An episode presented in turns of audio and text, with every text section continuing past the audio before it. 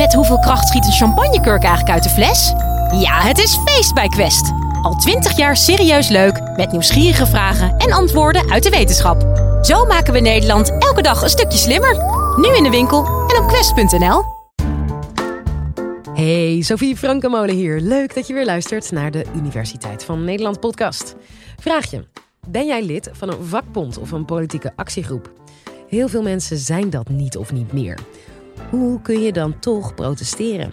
Nou, dat hoor je in dit college van mediawetenschapper Thomas Poel van de Universiteit van Amsterdam. Dit is de Universiteit van Nederland.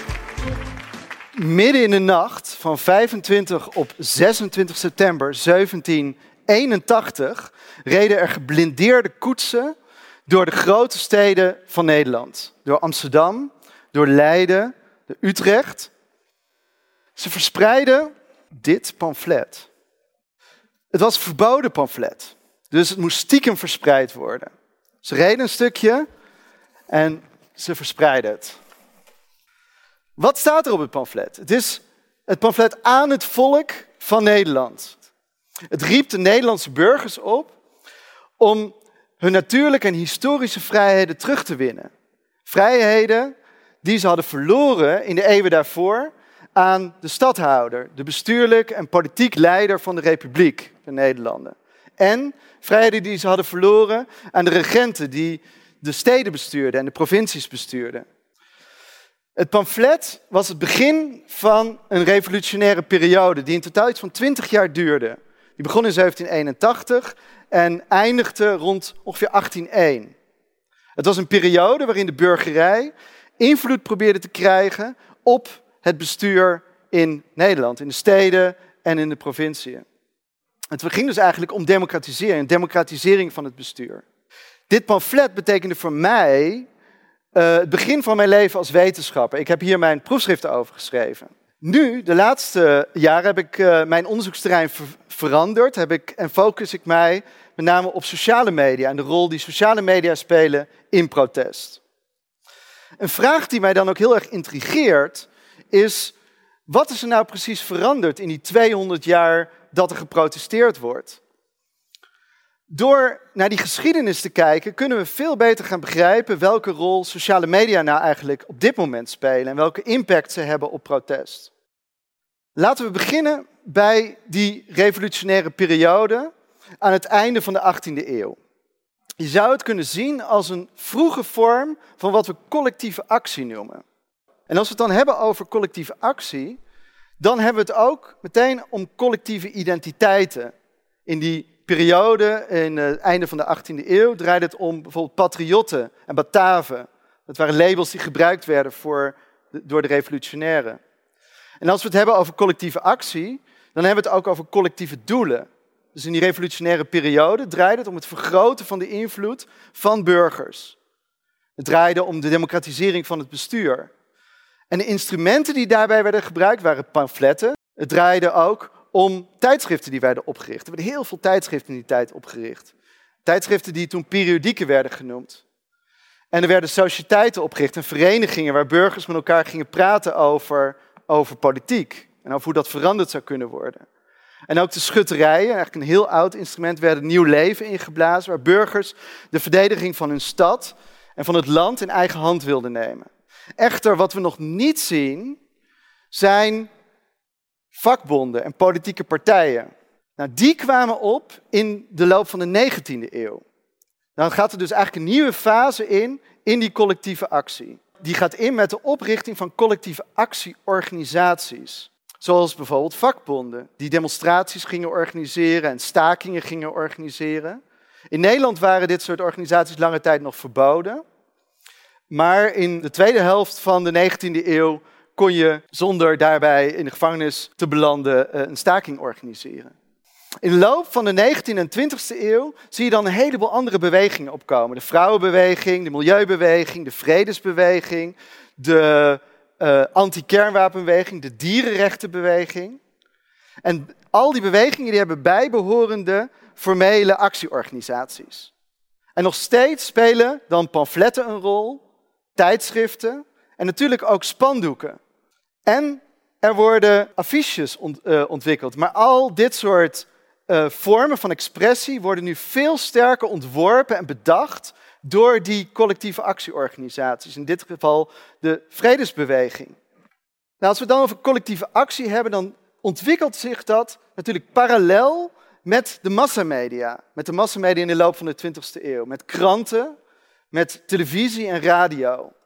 En die organisaties waar ik het net over had, die collectieve actieorganisaties, die richten zich erop om hun boodschap in die massamedia te krijgen. En uh, daarmee dus een heel groot publiek te bereiken. En de leiders van dit soort bewegingen, die kwamen ook op televisie en die werden geïnterviewd. Dat kennen we vandaag de dag nog steeds. Dus organisaties en die massamedia die maken het mogelijk om heel veel mensen op de been te brengen. Misschien herinneren sommigen van jullie je nog de grote anti-kernwapendemonstraties die plaatsvonden in het begin van de jaren 80. In Amsterdam werden honderdduizenden mensen op de been gebracht en gingen demonstreren. Nou is de veronderstelling dat die massa en die sterke activistische organisaties en die massamedia, dat dat noodzakelijk bij elkaar hoort. Dat dat een noodzakelijke verbinding is. En dat wordt vaak verklaard aan de hand van wat we het collectieve actieprobleem noemen. Het idee is dat het gunstig is voor velen dat er geprotesteerd wordt. Dat het goed is om te protesteren tegen uh, kernwapens, de plaatsing van kernwapens. Dat we moeten protesteren voor een schone milieu. Maar, zoals we allemaal weten, protesteren kost een inspanning. Je moet de straat op en soms regent het, soms is het koud. Het, is, het vergt een inspanning. En in dictatoriale regimes is het ook nog eens heel erg gevaarlijk om te gaan protesteren. Waardoor veel mensen de neiging zullen hebben om het aan anderen over te laten. En dat noemen we ook wel freeriden. Nou, als nou heel veel mensen gaan freeriden, dan wordt er niet geprotesteerd. En dan zakt het protest in elkaar. Dus dat is het collectieve actieprobleem. Nou, de oplossing voor dat probleem zouden die activistische organisaties zijn en die massamedia. Want wat maken die activistische organisaties mogelijk? Die uh, maken het mogelijk om mensen te overtuigen dat het belangrijk is om de straat op te gaan. Ze kunnen mensen optrommelen en ook letterlijk vervoer regelen naar de plek waar geprotesteerd wordt, bussen inzetten. Ze kunnen morele druk uitoefenen en ook mensen onderwijzen in een bepaalde ideologie, in een bepaalde ideeën over hoe de wereld georganiseerd is. Dus denk bijvoorbeeld aan het communisme of het socialisme en hoe daarin ideeën werden geformuleerd over kapitalistische uitbuiting en over dat arbeiders meer rechten zouden moeten krijgen. En op die manier, dus al die punten, dat overtuigen, dat optrommelen en die, die, dat formuleren van zo'n ideologie, kunnen massa's op de been worden gebracht. Kan dus dat collectieve actieprobleem worden overwonnen. Nou, is de laatste decennia is die effectiviteit van dat soort organisaties om mensen op de been te brengen, is nogal achteruit gegaan. Samen met politieke partijen en ook kerken hebben die organisaties te maken met wat we noemen het proces van individualisering. Het verdwijnen dus van een ideologisch raamwerk. En steeds meer mensen hebben het gevoel dat ze in dat soort ideologieën hun verhaal niet kwijt kunnen, hun eigen verhaal niet kwijt kunnen. Het idee komt dan ook wel eens op dat de jeugd van tegenwoordig, in tegenstelling tot die activistische generatie van de jaren 70 en 80, dat die eigenlijk niet meer demonstreert. Maar in realiteit protesteren mensen natuurlijk nog steeds. Dus als we kijken naar de protesten van 2011 en de, en de jaren die daarop volgen, dan zien we hele grote protesten. En we zien natuurlijk ook nog steeds pamfletten, en we zien dat mensen de straat op gaan. We zien spandoeken, en daar wordt ook wel aandacht aan besteed in de massamedia. Dus in dat opzicht lijkt het ook wel weer op die jaren 70 en 80. Maar dat is echter tegelijkertijd ook wel weer bedrog. Want die collectieve actieorganisaties waar ik het net over had, die zijn voor een groot deel uit beeld verdwenen. En tegelijkertijd zien we ook dat mensen heel massaal via sociale media beginnen te communiceren. Met honderdduizenden, met miljoenen met elkaar communiceren via die platformen. En die sociale platformen, die zijn eigenlijk best wonderbaarlijk als je bedenkt dat de meesten nog maar heel jong zijn. Nou is de veronderstelling dat de opkomst van die sociale media een hele belangrijke wending teweeg heeft gebracht in activisme een belangrijke wending in de mobilisatie van protest. Het delen van, via sociale media zou namelijk de oplossing bieden voor dat collectieve actieprobleem waar ik het net over had. Want mensen beginnen namelijk zelf spontaan protestslogans, foto's en video's te maken en te delen. en creatief aan te passen, zonder dat daar die collectieve actieorganisaties achter zitten en zonder dat er ook grote kosten bij gemoeid zijn. En zo kunnen grote groepen mensen bereikt worden. En heel belangrijk hierbij is ook dat de gebruikers zelf een actieve rol vervullen in dat protest. En dat zij het protest met hun eigen verhaal kunnen verbinden. Het, het protest, hun eigen protest kunnen maken. En dat zou betekenen dat het, dat het protest zelf gemotiveerd wordt. En dat het daarmee het, het probleem van freerider voor een deel uitschakelt. Je kunt dus zeggen dat sociale media in zekere zin de pamfletten van deze tijd zijn. Maar het zijn wel pamfletten die mensen zelf kunnen invullen. Het wordt jouw protest. Nou, een mooi voorbeeld daarvan, wanneer dit gebeurt, is de, wanneer gebeurt, zijn de Occupy-protesten. Die vonden plaats, zoals jullie je misschien herinneren, aan, uh, tijdens het hoogtepunt van die financiële crisis. Dus veel mensen hadden een baan verloren. En in de buurt van Street in een park gingen mensen uh, demonstreren en gingen een park bezetten en tenten opzetten. Een belangrijke slogan die gebruikt werd om te protesteren tegen de grotere sociale ongelijkheid die ontstond, was de slogan We are the 99%. Waarbij de 99% natuurlijk verwijst naar de gewone man en vrouw. En de 1% verwijst naar de superrijken die het ontzettend goed hebben. Belangrijk is dat die slogan eindeloos de mogelijkheid biedt om te personaliseren. Om daar je eigen verhaal van te maken. En daar zijn hele mooie voorbeelden van. We kennen verhalen van mensen die hun baan zijn verloren en een gezin niet meer kunnen onderhouden. En ook zichzelf fotograferen en zeggen, I am the 99%. Of mensen, studenten die enorme schulden hebben opgebouwd en geen baan hebben gevonden. Al die verhalen worden via sociale media verspreid. En die geven protest een eigen gezicht. We hebben gezien hoe deze open vorm van protest zich wereldwijd, in Londen, Berlijn en ook in Amsterdam, waar het beursplein bezet is, hoe dat zich heeft verspreid. Een ander sterk voorbeeld is de Not in My Name campagne, die in september 2014 werd gelanceerd door de Active Change Foundation in Londen.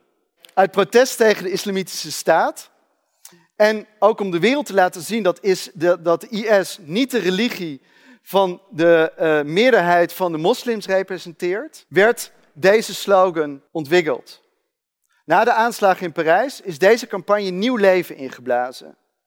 En fotograferen vooral jonge moslims zich met de Not in My Name hashtag. Ook zien we weer dat protest dus heel persoonlijk wordt gemaakt. En daardoor veel krachtiger wordt. Er is dus alles bij elkaar heel veel veranderd in 200 jaar protest. Het begon met het pamflet als voertuig van collectieve actie. En hier kwamen collectieve actieorganisaties en massamedia in de loop van de 19e en 20e eeuw bij. Nu zijn we aan het einde van het tijdperk van collectieve actie beland. En zijn we begonnen aan het tijdperk van connectieve actie. Een connectieve actie die vorm krijgt dus door sociale media. Sociale media die zelforganiserende massa's faciliteren. Die het mogelijk maken voor mensen om het proces protest persoonlijk te maken. De vraag is wel, heeft het in the greater scheme of things zin dat mensen uh, eindeloos via die sociale media protesteren? Dat ze persoonlijke verhalen delen, dat ze creatief photoshoppen, liken en retweeten? Dat is een goede vraag voor het volgende college. Dat was Thomas Poel. Ik hoop dat je het een boeiend college vond. Hey, en ken jij of ben jij nou ook een wetenschapper die je graag hier een keer zou horen in deze podcast? Tip ons dan. Stuur een mail naar podcast.universiteitvannederland.nl Volgende keer hebben we het over het seksleven van paddenstoelen. Ja, echt. Dat schijnt namelijk heel spannend te zijn. Dus ik zou maar luisteren als ik jou was. Tot dan!